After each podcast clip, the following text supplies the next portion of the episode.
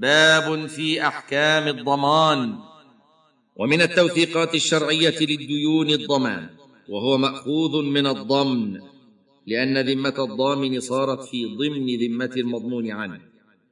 وقيل مشتق من التضمن لأن ذمة الضامن تتضمن الحق المضمون.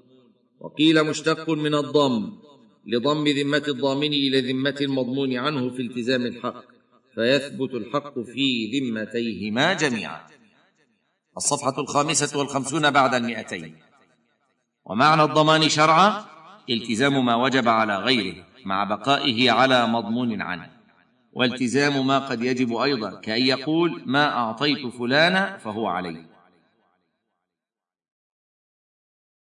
والضمان جائز بالكتاب والسنة والإجماع. قال تعالى ولمن جاء به حمل بعير وأنا به زعيم. أي ضامن. وروى الإمام الترمذي مرفوعا. الزعيم غارم. أي ضامن. حاشيه رواه الترمذي برقم عشرين ومائة بعد الألفين. وقال حسن صحيح. وأحمد في الجزء الخامس الصفحة السابعة والستين والمئتين وأبو داود برقم خمسة وستين وخمسمائة وثلاثة آلاف. وابن ماجه برقم خمسة وأربعمائة بعد الألفين. قال الذهبي في السير في الجزء الثامن الصفحة الثالثة والعشرين وثلاثمائة إسناده قوي. انتهت الحاشية. وقد أجمع العلماء على جواز الضمان في الجملة والمصلحة تقتضي ذلك بل قد تدعو الحاجة والضرورة إليه. وهو من التعاون على البر والتقوى ومن قضاء حاجة المسلم وتنفيس كربته ويشترط لصحته أن يكون الضامن جائز التصرف لأنه تحمل مال فلا يصح من صغير ولا سفيه محجور عليه ويشترط رضاه أيضا فإن أكره على الضمان لم يصح لأن الضمان تبرع بالتزام الحق فاعتبر له الرضا كالتبرع بالأموال.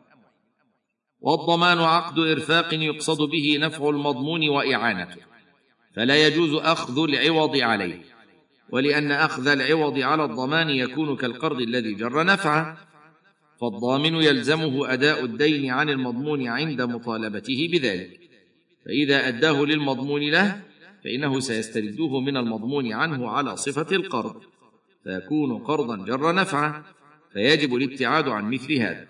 وأن يكون الضمان مقصودا به التعاون والإرفاق لا الاستغلال وإرهاق المحتاج. ويصح الضمان بلفظ أنا ضمين أو أنا قبيل أو أنا حميل أو أنا زعيم. وبلفظ تحملت دينك أو ضمنته أو هو عندي. وبكل لفظ يؤدي معنى الضمان لأن الشارع لم يحد ذلك بعبارة معينة فيرجع فيه إلى العرف.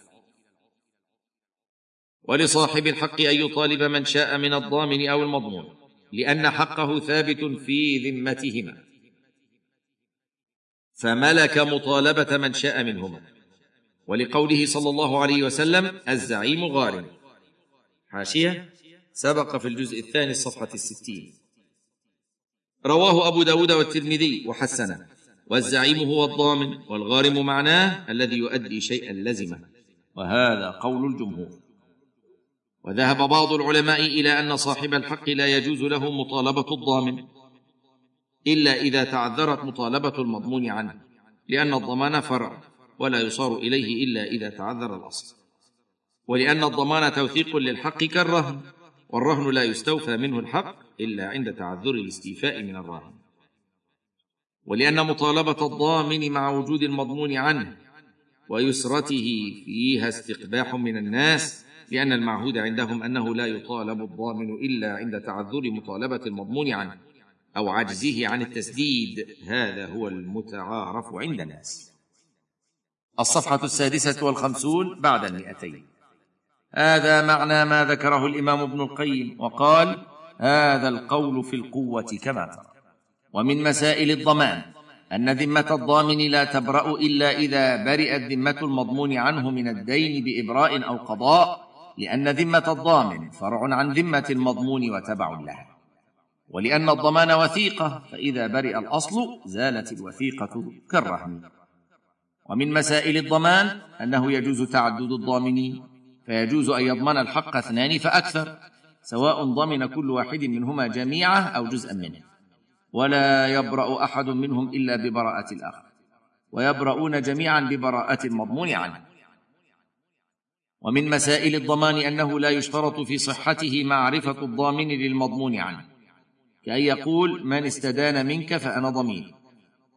ولا يشترط معرفة الضامن للمضمون له لأنه لا يشترط رضا المضمون له والمضمون عنه فلا يشترط معرفتهما. ومن مسائل الضمان أنه يصح ضمان المعلوم وضمان المجهول إذا كان يؤول إلى العلم لقوله تعالى ولمن جاء به حمل بعير وأنا به زعيم. لأن حمل البعير غير معلوم لكنه يؤول إلى العلم فدلت الآية على جوازه ومن مسائل الضمان أنه يصح ضمان عهدة المبيع والعهدة هي الدرك بأن يضمن الثمن إذا ظهر المبيع مستحقا لغير البائع. ومن مسائل الضمان أنه يجوز ضمان ما يجب على الشخص كأن يضمن ما يلزمه من دين ونحوه.